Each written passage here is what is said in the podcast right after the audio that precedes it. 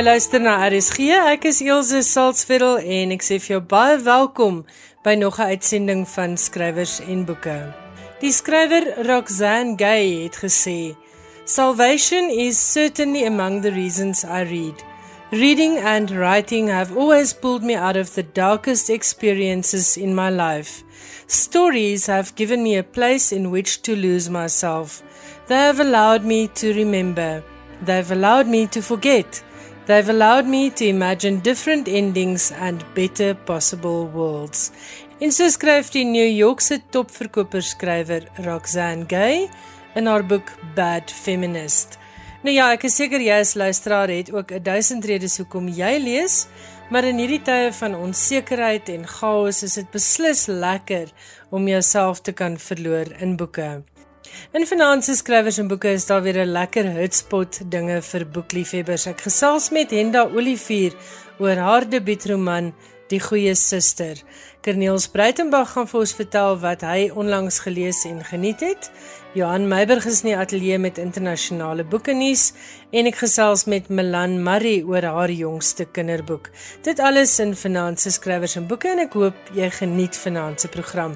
En nou gerus 'n pen en papier byderhand want ek dink jy sal wil lysies maak van die boeke waaroor ons vanaand gesels.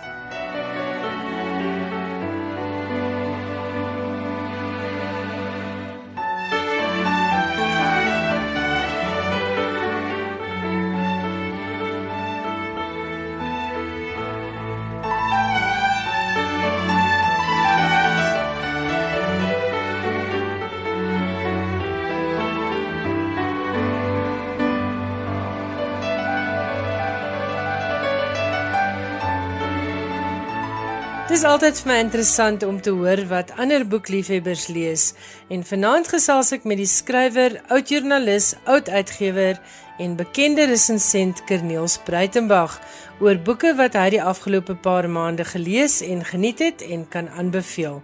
Skepsel van Willem Anker is vir my die roman van die jaar met François Smit se Die kleinste ramp denkbaar kort op sy hakke. Maar ander mense kan en het reeds met groot kundigheid daaroor gepraat en geskryf en daarom sal ek net met hierdie opmerking volstaan dat ek so dink. Ek wil liewer om mee te begin gesels oor die grootste Afrikaanse verrassing van die jaar wat vir my Anton Rood se weergalose meganika was. Die lees daarvan was vir my oneindig plesierig. Dis 'n reis in 'n verbeeldingswêreld wat iewers tussen die pikareske en die satiriese roman geplaas is. Dit dra 'n dik dosis wetenskapsfiksie en sê uiteindelik in die verbygaan baie oor die wêreld waarin ons ons bevind. Vir my lê dit die grein van die Suid-Afrikaanse bestaan bloot. Dit is asof die skrywer al die politieke gebabbel, die groot doenerige optrede van staatsamptenare, die plegstatigheid van die amptenary en die kleiner drama van die mense geslagslewe as ook die nederige ideale van iemand wat nog vir oula se kulturele bydrae wil lewer geneem het en daaruit 'n kragtoer van verbeeldingskrag met enorme komiese afmetings geskep het. Die kern van enige satiriese werk is dat dit die dinge wat deur sommige lesers as heilig beskou word sal ontluister en openbaring sal bring oor hoe die aard of stand van sake werklik is of moet wees. Alles in hierdie roman lei terug na Suid-Afrika vandag. Korrupsie is aan die orde van die dag en 'n mens het geen keuse as om die ander sy daarvan te sien nie, naamlik korrupsie is noodwendig omdat niemand juis omgee of wil streef na 'n beter lewe sekere onetiese gevolge het nie.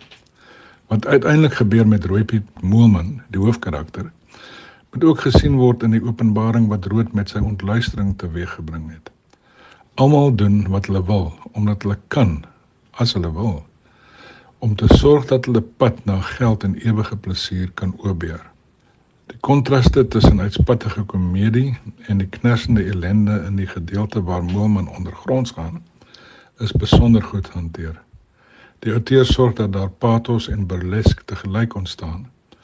Iets wat moeilik is om te skep en wat sorg dat die malle tog van Moelman nie net komies van aard is nie.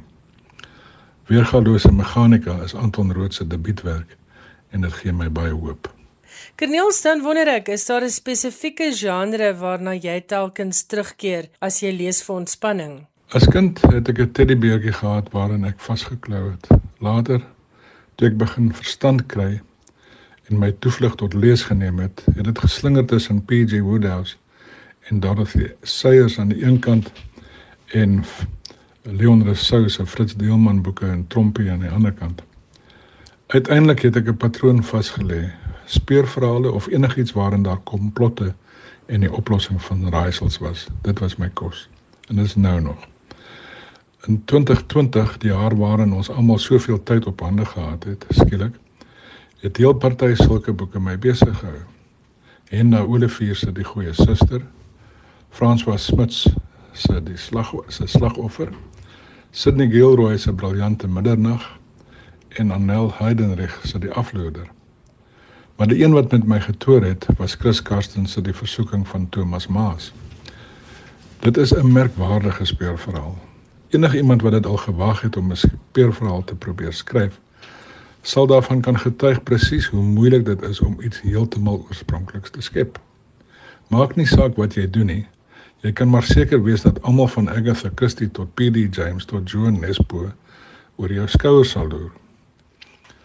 In die versoeking van Thomas Maas bring Chris Carson sy bekende Ella Neser terug om haar lyf privaat speurder te hou. Die roman begin as 'n verslag aan haar opdraggewer.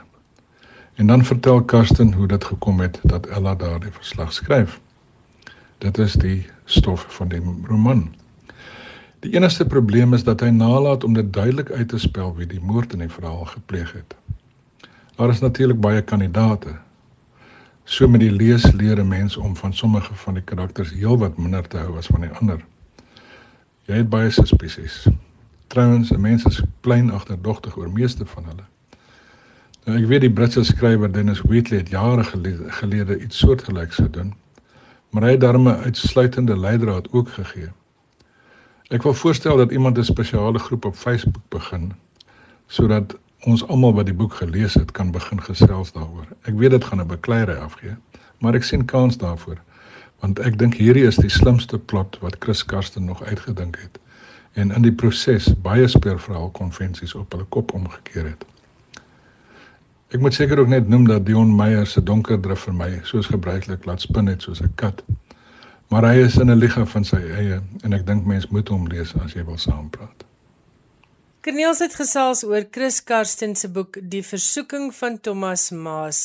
Dit word uitgegee deur Iman en Resou en ek moet met Corneels saamstem, dis 'n knap roman wat 'n mens entyd aan die raai hou. Jy is ingeskakel op skrywers en boeke. Ek is Elsje Salzwetel en ek gesels met Corneels Breitenberg oor sy leesplesiere. Corneels, wat is nog op jou lysie? Leesplesier is altyd 'n gelaaide begrip. Soms soek mens uitdagings skryfwerk wat eise stel aan die intellek en die geheue. Ander kere is dit gewoon ontvlugting en vermaak. Rudy van Rensburg het met sy speurverhale enerzijds en met Hans Steek die Rubicon oor anderzijds gewys dat hy na albei kante toe bevrediging aan sy lesers kan gee. Met Hans G. Herklaas Horings wat in die Grendeljaar verskyn het, word dit ook duidelik dat selfs wanneer sy aanslag ligter is, Rudy van Rensburg die kragpunte van sy speur en spanningsverhale baie goed tot die voordeel van die ligter werk kan benut. Hans G. Herklaas Horings is die vervolg op Hans steek die Rubicon oor. Hans van Kraaienburg het die revolusie in huis Madeliefie suksesvol deurgevoer, maar nou het die probleme van die teoord vir bejaardes syne geword. Die plek val uitmekaar en die geld om al die gaatjies toe te stop, die makkeer. Dit is 'n verhaal van intrige en hoogspanning. Van Rensburg skryf met die skerp oog van 'n satiris. En daardeur sorg hy dat mense nie alleen agter die storie en ontknoping aanlees nie, maar ook vir die binnepret wat elke klein waarneming verskaf. Sy satire is nie sinies nie, maar deernisvol en gelaai met liefde vir senior burgers wat verguis word deur jonger loonsrieme. Van die oomblik af wat mense lees van Ousus Veenstra wat die toilet in huis Madeliefie stikkend gesit het en gevind is waar sy onwelvluglik ontbloot en kapstewels in die lug langs die stikkende troon lê tot die oomblik wat die groot swyn graafwater sy hand in sy binnesak steek om Hans se hart baie bly te maak, lewer hierdie roman op elke bladsy talle dinge op waaroor mens wil lag of wat jou daardie diep innerlike glimlag van herkenning laat voel. Rudy van Rensburg het die idees vir sy Hans romans gekry by sy moeder se wedervaring in 'n aftreeoord. Mag Rudy vir Hans en huismade Liefie nog dikwels besoek. Die twee Hans boeke waarna Kerniels verwys het, is Rudy van Rensburg se Hans steek die Rubicon oor en Hans gee herklas horings. Dit word uitgegee deur Colerie. Kerniels volgende op jou lysie is 'n boek wat afspeel in Parys, Frankryk. So in die middel van 2020 is 'n boek gepubliseer wat ek om persoonlike redes baie na uitgesien het. Dit is René Rautenbach Conradie se roman met die vier kleure in Parys. Miskien is dit goed dat ek my belange verklaar. Ek ken Renée sedert 1974 toe ek haar as redaksielid by Beeld ontmoet het. Ek was 'n studente vakansiewerker, sy 'n lid van die legendariese span van Beeld se eerste vroueblad redaksie. Daarna het ons ook saam by die Burger gewerk en jare later het ek by haar en haar man in Parys 'n draai gemaak onderweg na die jaarlikse Frankfurtse boekeskou. Leo Conradie was die hoog aangeskrewe minister in die Suid-Afrikaanse ambassade in Parys. Die man wat ambassadeur Barbara Masakela se termyn daar 'n stewige basis gegee het. Renée het in daardie jare Parys platgestap op soek na interessante deure wat sy kon skilder. Sy het my vertel dat daar 'n verhaal by haar broei en ek was verheug toe sy die eerste weergawe van die roman wat later met die vier kleur in Parys uh, getitel sou word aan my gestuur het. Renée het geweldig baie navorsing gedoen oor die groot eksposisie van 1900 terwyl sy daar was, asook nadat sy en Leo teruggekeer het na Suid-Afrika. Dit was vir my 'n besonderse manuskrip omdat dit vir my soveel kon byvoeg by die inligting wat ek reeds gehad het danksy 'n obsessie met Henry Adams se bekende autobiografiese werk The Education of Henry Adams. Renée se manuskrip het 'n paar herskrywings beleef en sy het dit ook gebruik as basis vir 'n magistergraad in kreatiewe skryfwerk by Tikkies. Sy het ook daarmee by Frederik de Jager se Talking Table skryfskool 'n draai gemaak. In Grendeltyd het ek toe die gepubliseerde weergawe gelees. In die proses het ek 'n paar dinge geleer. Vereerst dat dit 'n baie besonderse boek is 'n aangrypende historiese herskepping gekoppel aan 'n begaafde waarnemer van mense wat haar vermoëns ten beste inspann in die ontwikkeling van personasies en verhaal. Ten tweede dat persoonlike vriende nie altyd die kwinte en kwale van 'n manuskrip die beste kan raaksien nie. En dat Tikkie se Afrikaanse departement en haar uitgewer daarin geslaag het om Renée Rautenbach Conradie se skrywerskap ten beste te laat blom pluimpie aan hulle. En ten slotte dat mens van vriendskap en trawaal vergeet wanneer jy 'n boek klaar lees en jy vind weke daarna dat dinge daarin steeds in jou gedagtes bly tintel en maal. Met die vierkleur in Parys is so 'n boek in die oortreffende trap. Met die vierkleur in Parys deur Renée Rautenbach Konradie word uitgegee deur Protea. Corneels, dan wil jy ook iets sê oor Engelse speurfiksie. Ek het 'n vermoede dat baie mense wat die naam Anthony Horowitz hoor, nie weet dat hy deel is van ons lewens nie. Veral diegene wat TV kyk. Horowitz het as draaiboekskrywer van gewilde speurreekse baie diep spore getrap. Dink maar aan Midsummer Murders en Agatha Christie's Poirot, waar hy meeste van die episode geskryf het en dan ook die reekse wat hy volledig self geskep het, naamlik Collision, Foyle's War, Injustice en New Blood. Daarbenewens is hy een van die mees gerekende skrywers van jeugfiksie van ons tyd. The Diamond Brothers, Alex Rider en The Power of 5. Onder sy fiksie vir volwassenes tel twee Sherlock Holmes nuutskeppings, naamlik The House of Silk en Moriarty terwyl die erfgename van een Fleming hom omgepraat het om twee nuwe James Bond romans te skryf, naamlik Trigger Mortis en Forever and a Day. In 2016 het hy omtrent elke prys vir speurverhaal skrywers wat 'n mens kan wen uh, gebuit met die roman The Magpie Murders. Die hoofkarakter daarin is ene Susan Ryland, 'n redakteur by 'n uitgewery wat op 'n dag skielik daarmee moet reken dat haar mees suksesvolle skrywer vermoor is voordat hy die laaste hoofstuk van sy nuutste roman aan haar kon lewer. Sy lees die res van die manuskrip en daarna moet sy probeer uitpleis wat in die laaste hoofstuk sou gestaan het en los dan onverwags in die proses ook die moord op. Dit is 'n magnifieke roman, iewers tussen die style van Agatha Christie, Ruth Rendell en uh, Midsummer Murders. Laat in 2020 het Anthony Horowitz 'n tweede roman met Susan Ryland in die hoofrol uitgegee. Die titel is The Moonflower Murders. Weereens is dit 'n roman waarin die ou wat in The Magpie Murders vermoor is, aan die kern van die verhaal staan en kry 'n mens 'n roman binne 'n roman met die geduldige Susan Ryland wat met probeer uitpleis of daar leidrade in die ou roman is wat dalk oplossings bied vir 'n moord in die werklike lewe. The Moonflower Murders is 'n boek vir speurverhaal fynproevers. Buiten die roman binne 'n roman is daar ook hoop en leidrade en vals leidrade. Daar's lokbokkums, analogieë, anagramme en pure oorverblindery. Ek het die boek by Amazon te koop gekry, maar die plaaslike verspreider sê vir my mense sal nog so 2 maande moet wag voordat die gedrukte weergawe hier in ons winkels is. Maak so lank 'n aantekening daaroor. Dit is die beste speurverhaal wat ek in baie jare gelees het. Dit was Kerniels Breitenberg wat so entoesiasties geraak het oor die speurverhaalskrywer Anthony Horowitz se werk. Soos Kerniels gesê het, Moonflower Murders is tans nog net as e-boek beskikbaar, maar dalk is dit 'n slim plan om so lank weg te spring met die boek se voorganger, The Magpie Murders. Kerniels, baie dankie vir die moeite wat jy gedoen het met die saamstel van jou lysie lekker leesgoed. En dankie vir daardie lekker woord, lokbokkums.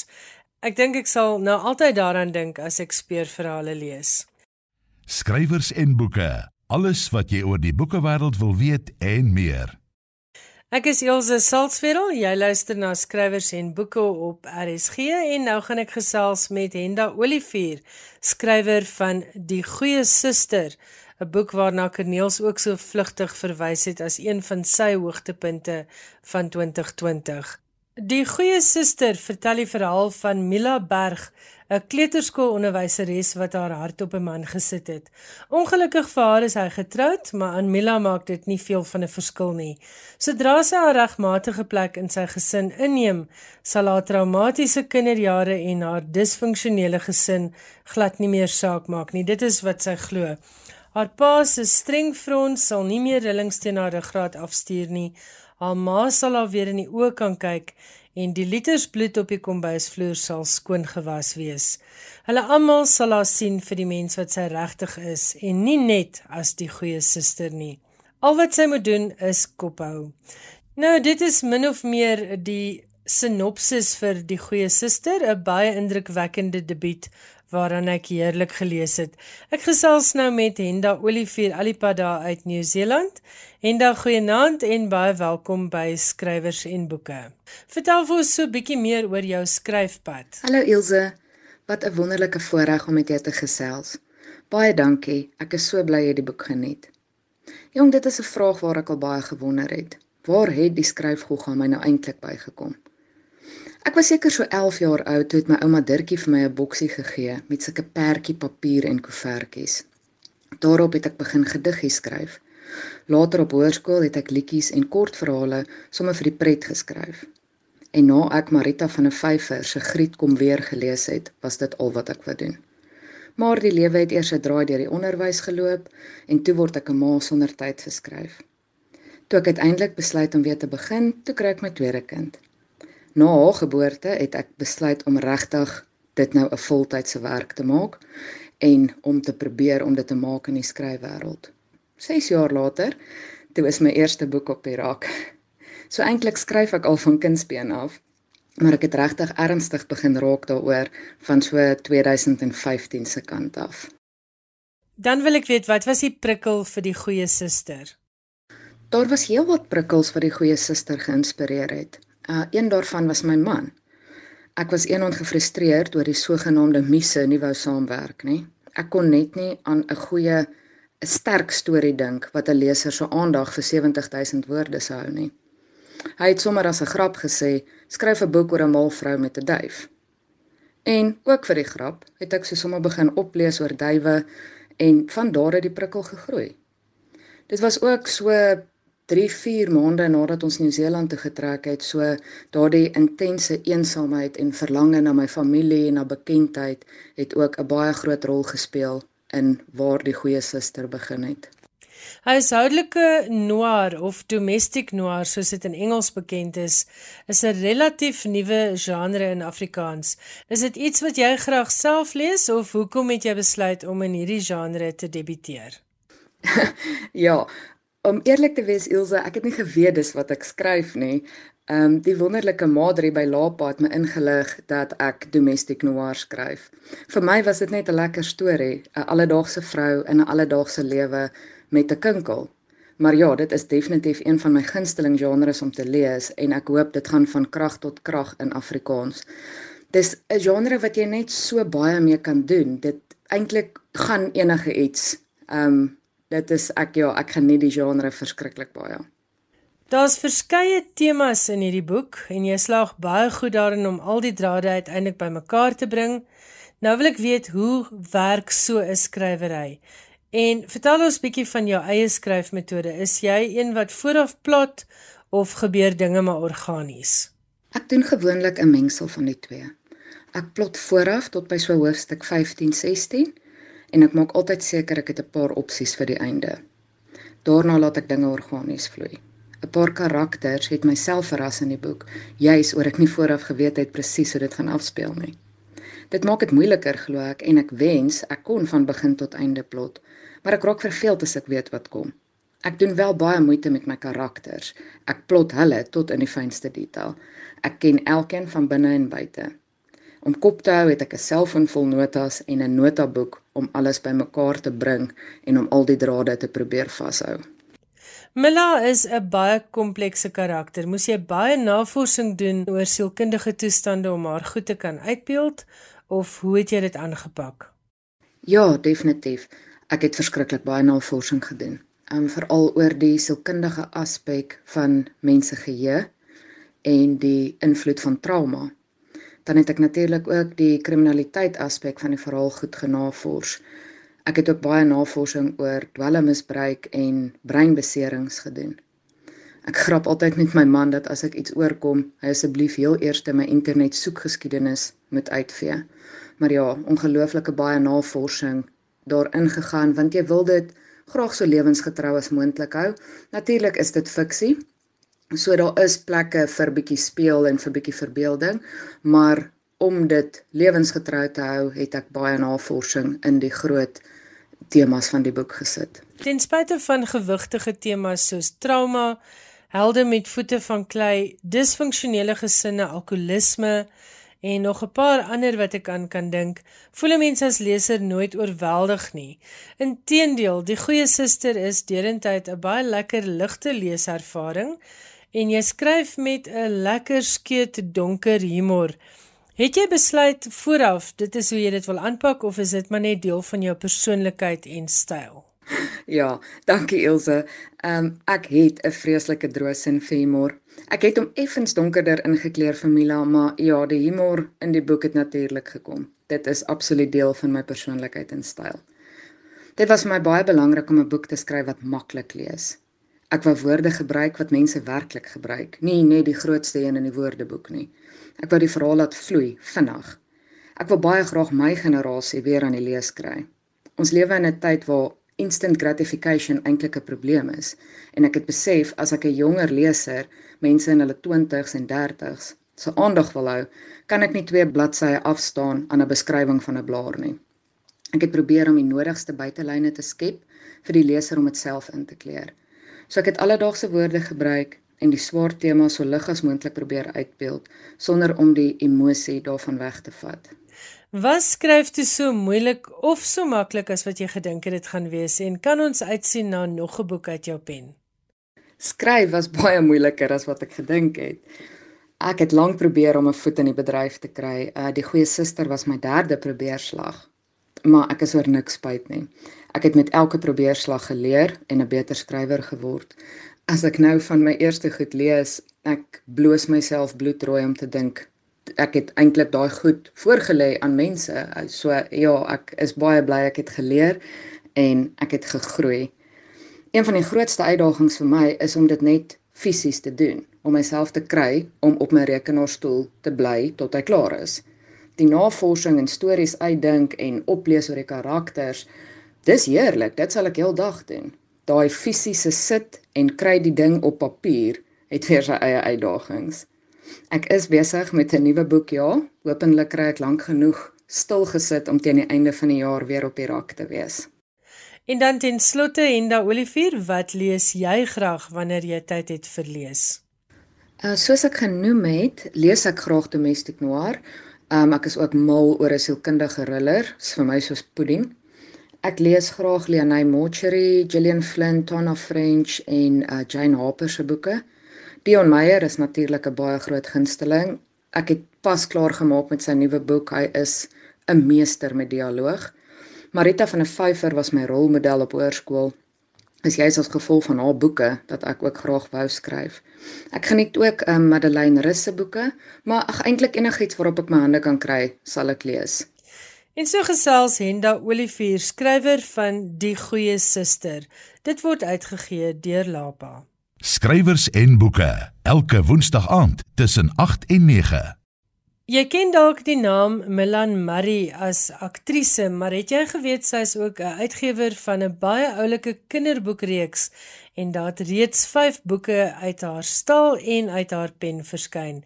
Haar 5de boek, die nuutste in die idiome reeks uit die Murray en Me stal, het onlangs verskyn en die titel daarvan is Die Husse en die Klein Jakkalsies.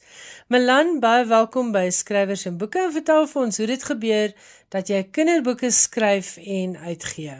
Dankie Elsje vir die vir die uitnodiging. Dit is altyd lekker om oor kinderboeke te gesels en ek dink spesifiek in hierdie tyd het ons so 'n bietjie ehm um, afleiding en en bietjie fantasie nodig. So dis baie lekker om eintlik weg te raak in kinderboeke selfs as groot mense. Is dit baie lekker en natuurlik vir my om te skryf. Ehm um, ek dink dit is deel van my proses om op hierdie stadium syn te bly. Ek het die kinderboekmaatskappy Murray and Me um so 5 of 6 jaar gelede begin en ek dink dit was maar 'n sameloop van van dinge wat gemaak het dat ek self begin skryf het en ook self begin uitgee het. Eerstens die my liefde vir skryf. Ek dink ek skryf is iets wat ek elke dag doen, maar ook dat daai tyd was my kinders in die prenteboekfase. So natuurlik het my kreatiewe brein gegaan na wat as ek self Afrikaanse en Suid-Afrikaanse stories skryf. En ehm um, Ek dink die die idee van selfuitgee was nie 'n maklike besluit nie omdat uitgewers so gesout is in wat hulle doen, maar daar was maar 'n paar redes hoekom ek wou gewaag het om te kyk of dit nie vir my meer winsgewend is om uh, self uit te gee en dan nou self my eie kreatiewe baas te wees en baas te bly. So dit het op die eind goed uitgewerk en Mary and Me het nou al 5 uh, kinderboeke wat um, ons self mekaar gesit uitgeskryf en uitgegee het en ons is baie trots op op die reeks veral hier die idioom reeks waarvan hierdie nuwe boek nou deel is. Wat is volgens jou die belangrikste elemente van 'n goeie kinderboek en hoe pas jy dit toe op jou eie reeks?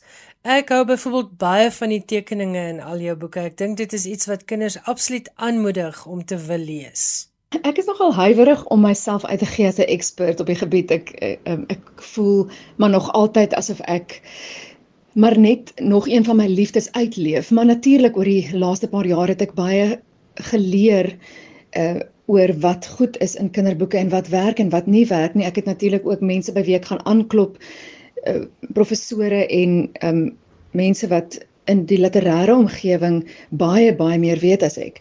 So daar is baie aspekte, maar natuurlik die idee van 'n prenteboek spesifiek gaan oor die illustrasies en mens moet baie mooi verstaan dat 'n prenteboek is 50% teks, 50% illustrasie. En ek wil amper sê dat die boek kan bestaan sonder die teks, maar hy kan nie bestaan sonder die illustrasie nie. So daarom was dit baie belangrik om altyd die illustrasies so te beplan soos wat jy die teks beplan omdat kinders daarin wegraak dit kinders um inspireer en en nuuskierig maak oor die storie want daar is natuurlik baie meer in die illustrasie as wat daar in die teks is. En dit is wat 'n mens natuurlik hoop 'n illustreerder kan regkry en ons illustreerder Marisa de Tooy doen dit fantasties. So sy steek ook baie keer goedjies weg in die in die bladsye en in hierdie nuwe boek, die Husse boek wat nou ons laaste een in die Idiom reeks is, het sy die karakters, die jakkalsies het sy nogal oral weggesteek. So hier en daar sien jy 'n stertjie van 'n jakkals en dit raak vir kinders lekker om daai tipe van goed te begin soek. Maar dan vir my wat ook belangrik is as jy taal gebruik, ek hou nie daarvan om kinders se taalvermoë te onderskat nie. So miskien gebruik ek bietjie meer ehm um, gevorderde taal in my kinderboeke as iemand anders, maar ek dink dis iets wat belangrik is in ons Afrikaanse taal dat ons nie moet wegskram van goeie taalgebruik en interessante kleurvolle woorde nie. Dit is vir my baie belangrik. Ek is ook nie 'n groot aanhanger van uh stories met lessies nie. Ek dink ook dit, dit is nie altyd nodig vir 'n kinderboek om te werk om 'n lessie te hê nie, maar wat wel uitstaan in ons kinderboeke is dat dit bied 'n gesprekspunt tussen ouer en kind of wie ook al die die boek voorlees want daar is genoeg diepte en genoeg subteks om te bespreek. So daar's altyd 'n um, 'n bietjie meer as net die opvallende storie. Jy het nou 4 boeke geskryf met idiome as tema. Hoekom juis 'n reeks oor idiome? 'n Mens moet met die ontwikkeling van enige nuwe produk dink ek die vraag vra wat is nuut um, en en hoe kan 'n mens uit die boks dink? Nie dat idiome spesifiek as 'n um, as 'n tema nuut is nie, maar in Afrikaanse boeke het ons gedink dat dit op daai stadium in die mark en dit was nou 5 of 6 jaar gelede 'n vars um, gesprekspunt 'n vars hoek vir stories sou kon wees. So ons het besluit hoekom nie idiome nie omdat idiome ook bietjie uit die uit die uh, volksmond verdwyn dink ek.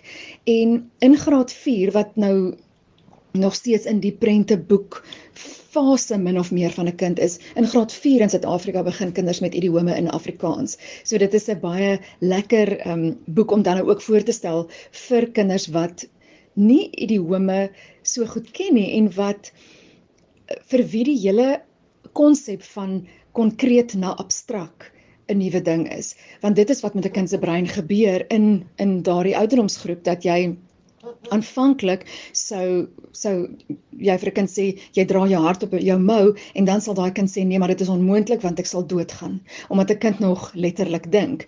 Maar in geleidelik gaan 'n kind se se brein oor na abstrakte denke en figuurlik die konsep van figuurlik verstaan. En daarmee is idiome so uh, wonderlik. Dit is altyd so lekker as ek by skole gaan praat en jy sien die onderwysers doen 'n aktiwiteit met die kinders waar hulle die letterlik van die idiom aan die een kant moet illustreer en die en die figuurlik van die idiom aan die ander kant. En dan is dit regtig so wonderlik om te sien hoe kinders byvoorbeeld die die prettigste vir my was die idiom ehm um, hy het tou opgegooi. Dan sien jy hoe die kind aan die linkerkant eh, teken hoe hoe die tou uit die mond opgegooi word. En dan aan die regterkant hoe hoe ehm um, 'n kind ja, hoe, hoe dit dan nou die figuurlik daarvan uitgebeeld word. So dit was vir my heerlik as 'n skrywer om dan nou te gaan kyk hoe kan ek 'n uh, 'n uh, idiom in 'n storie verander of in 'n storie implementeer. En dit was maar altyd 'n ehm 'n 'n lekker gesprek tussen my en my vernoot oor watter idiome ons gaan gebruik en ek moet sê die maklikste rede wat ons gekies het om 'n idiom te kies was dan nou oor hoe maklik dit geïllustreer kan word. En dan die husse en die klein jakkalsies. Vertel vir ons luisteraars 'n bietjie meer daarvan. Die husse en die klein jakkalsies het eintlik ontstaan as gevolg van die feit dat ek baie lief is vir die idiom. Dit is die klein jakkalsies wat die wingerde verniel. Maar dis nie 'n idiom wat baie gebruik word nie, so ek het besef mense moet nou mooi slim kies vir 'n storie om daarbey te pas. So aanvanklik het ek of ek het aan die begin geweet die jakkalsie sal die antagoniste wees, maar ek moes vir my 'n protagonis kry en ek het besluit dat die storie maar 'n diere tema sal hê omdat ons vorige boeke was daar was 'n dogtertjie as 'n hoofkarakter en 'n seentjie en toe na later 'n bende, so ek wou graag diere gebruik het en um, my protagonis was aanvanklik 'n haas. En toe sê my vernoot maar wat van 'n hus? Husse is dan so 'n mooi Afrikaanse ding. Ehm um, ons sê nou nog vir ons kinders as hulle nuuskierig is, dis husse met lang ore. So Wipper is ons hoofkarakter en ons het vir die husse 'n paar troppe gestig. Jy kry huishusse en plaashusse en berghusse. En die tema van die storie gaan so 'n klein bietjie daarvan dat Wipper wat 'n berghuis is op die ou en beland het tussen die plaashuise en so 'n klein bietjie van 'n randfiguur is. En dan raak ek aan die die tema in die in die die gedagte van buite 'n gemeenskap staan buite die trop 'n bietjie anders wees en hoe hy dan nou op die ou end um, die held in die storie word en, en hoe belangrik dit is om nie mense op hulle baadjie te takseer nie. So dis net nou maar die die um onderliggende, kom ons sê die dieper storielyn, maar eintlik is dit maar net 'n lekker avontuur oor hoe die husse probeer om die boer te oortuig dat dit is nie um hulle wat die wingerde verniel nie. So die husse en die klein jakkalsies is beskikbaar um, op ons webwerf www.murrayandme.co.za. Ons lewer af by jou deur. Ehm um, dis baie maklik om aanlyn te bestel en ehm um, dis dan natuurlik ook in boekwinkels, maar veral so na Kersfees dan kom ons agter die boekwinkels is baie keer uitverkoop en dit vat 'n rukkie vir hulle om dit weer op die rak te hê. So ehm um, mense is baie welkom om vir ons direk te kontak en sommer aanlyn te bestel. Ek het met Milan Marie gesels oor haar kinderboekreeks. Besoek gerus haar webwerf www.murrayandme.co.za www.rsg.co.za. Al die boeke is daarop en soos ek gesê jy kan direk daarvan af bestel as jy sukkel om dit by jou plaaslike boekwinkel in die hande te kry. Skrywers en boeke, alles wat jy oor die boekewêreld wil weet en meer. Nou is dit Johan Meiburg se beurt om ons op hoogte te bring van die internasionale boekewêreld en die dinge wat daar gebeur. En vanaand gesels hy oor die Carol Shields Prys vir vroue skrywers die penvryheid van uitdrukkingsprys en 'n nuwe roman uit die pen van die Ierse skrywer Sally Rooney. En dan is daar 'n brokkie oor die afsterwe van Duitsland se oudste boekwinkelhandelaar in 'n dorp met die naam Salzwedel. Johan, die mikrofoon is joune. Die Carol Shields Prys vir fiksie deur vroue skrywers wat verlede jaar aangekondig is, het pas 'n aansienlike hupstoot gekry toe Melinda Gates aangekondig het Sy dra deur haar beleggingsmaatskappy Pivotal Ventures iets soos 3,8 miljoen rand by tot die ontwikkeling van die prys. By die aankondiging van die prys verlede jaar is genoem dat die wenner prysgeld van 2,3 miljoen rand ontvang en die skrywers op die kortlys net minder as 200 000 rand elk. Met die bedrag is dit net die prysgeld van die Nobelprys vir letterkunde wat die Carol Shields prys kan klop. Die prys is genoem na die Amerikaans-Kanadese skrywer Carol Shields wat in 1935 in Illinois gebore is en in 2003 in Victoria, Kanada dood is. Shields was haar lewe lank 'n kampvegter vir die bevordering van loopbane van vroue skrywers en het ook burgerskap van die FSA sowel as Kanada gehad. Vroue skrywers van die twee lande kan inskryf vir die prys. Franssprekende Kanadese skrywers asook Spaanssprekende Amerikaanse skrywers kan inskryf mits die boeke in Engels vertaal is. In die literatuurgeskiedenis is daar talle voorbeelde van vroue wat merkwaardige boeke geskryf het, het Gates gesê. Nietemin verdien hulle minder, word hulle werk minder geresenseer en word hulle oor die hoof gesien wanneer dit by pryse kom. Die Carol Shields Prys is 'n stap in die regte rigting om die aandag wat vroue verdien op hulle te vestig, het sy bygevoeg. Die skrywer Susan Swan en die uitgewer Janice Sobukny het in 2012 'n boekeskou bygewoon waar dit gebleik het dat boeke deur vroue skrywers slegs 'n derde van die resensie publisiteit kry wat manskrywers wel kry. Toe hulle die wenners van pryse soos die Booker, die Nobel Letterkundeprys, die Pulitzerprys en die National Book Awards in berekening bring, het dit gebleik vroue trek ewenigs aan die kortste end. Die saadjie vir die prys wat later die Carol Shields prys sou word, is daar geplant. Die eerste kortlys van 4 skrywers en die uiteindelike wenner word eers in 2023 aangewys.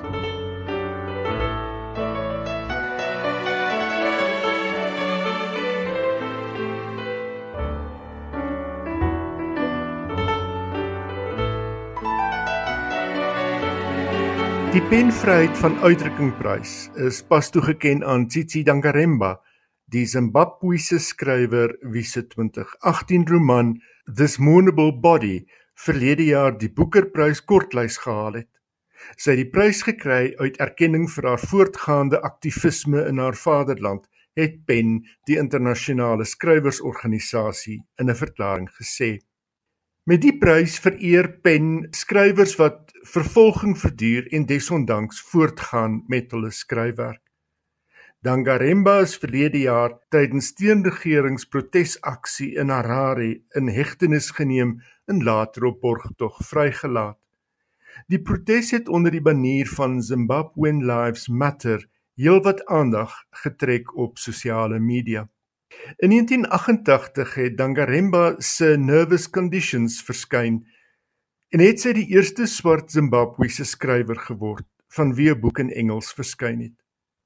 Met die semi-autobiografiese roman het sy die volgende jaar die Commonwealth Prys verower en het die BBC die boek in 2018 aangewys as een van die 100 boeke wat die wêreld verander het. Die roman het sy in 2006 opgevolg met The Book of Not met die verhaal weer soos in Nervous Conditions vertel uit die perspektief van Tambudzai 'n jong vrou wat meedoenloos daarop ingestel is om haar eie omstandighede deur onderwys te verbeter en haar te staal teen alle vorms van teespoed. Die prys is tydens die afgelope winternagte internasionale letterkunde feesprys in Den Haag in Nederland aan haar toegekend.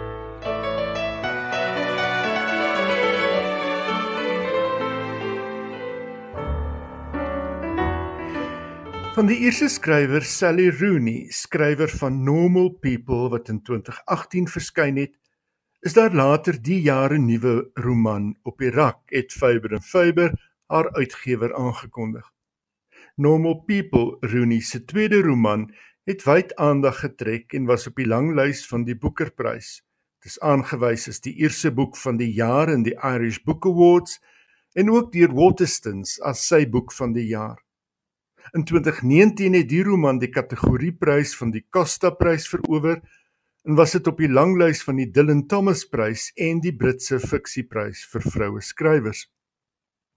Rooney se derde roman, Beautiful World, Where Are You, verskyn in September in Brittanje.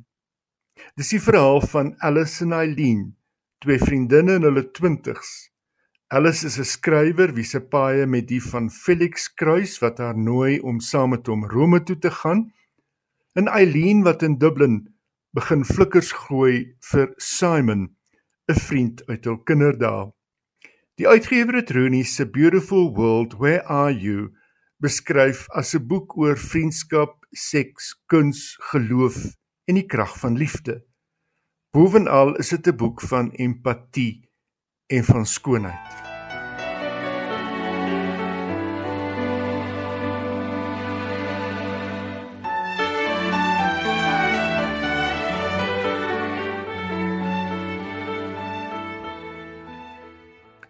Salzwedel, die dorp net meer as 100 km wes van Berlyn in Duitsland, het 'n instelling verloor, het die dorp se argivaris gesê oor die dood van Helga Weh eienaar van die HW boekwinkel, een van die oudstes in Duitsland. Die 98-jarige W is vroeër van dese maand in haar blyplek Boek aan die boekwinkel dood aangetref. Sy het die boekwinkel in 1965 by haar pa oorgeneem nadat hy dit by sy pa oorgeneem het wat die winkel in 1871 gekoop het. Die houtrakke en vertoontafels in die boekwinkel is nog die wat haar oupa in 1880 laat insit het. En op die rakke het sy net boeke aangehou wat sy geken het en wat sy derhalwe kon aanbeveel. Boeke wat nie op die rakke was nie, sou sy wel met graagte bestel. Na die Tweede Wêreldoorlog was Salzwedel in Oos-Duitsland onder kommunistiese beheer het sy voortgegaan om die soort boeke aan te hou wat nie beskikbaar was in staatsbeheerde boekwinkels nie. Op dië manier het sy iets van die buitewêreld na ons dorp gebring, het die argivaris gesê. Helga Wey is in 1922 in Salzwedel gebore Het daar skool gegaan en was die eerste vrou en tweede persoon in haar familie wat gaan studeer het, Duits en geskiedenis in Wene. Die Tweede Wêreldoorlog het haar studie kort geknip en sy het in die boekwinkel gaan werk waar sy ook dood is. Sy laat nie kind of kraai na nie. The New York Times berig dat die uitgebreide W familie nou op soek is na iemand om die boekwinkel te bestuur.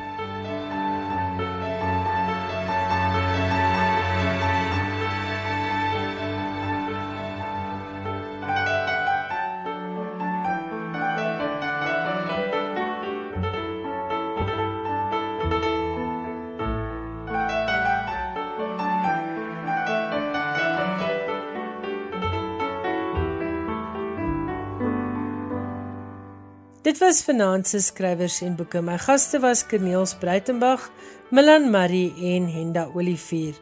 En Johan Meiburg het oudergewoonte gesorg vir die internasionale bydrae. En ek hoop jy daar by die huis het lekker saamgeluister en dat daar nou weer 'n hele nuwe lysie leesgoed is waarna jy hierdie jaar kan uitsien. Volgende Woensdag aand maak ons beslis weer so en dan is ek en Johan terug om te gesels oor skrywers en boeke. Ek gaan 'n bietjie fokus op Suid-Afrikaanse nuwe fiksie. Onthou dus jou afspraak volgende Woensdag aand om 8uur met my, Elsje Salzwetel vir nog 'n uitsending van skrywers en boeke. Tot dan, veilig bly en lekker lees. Totsiens.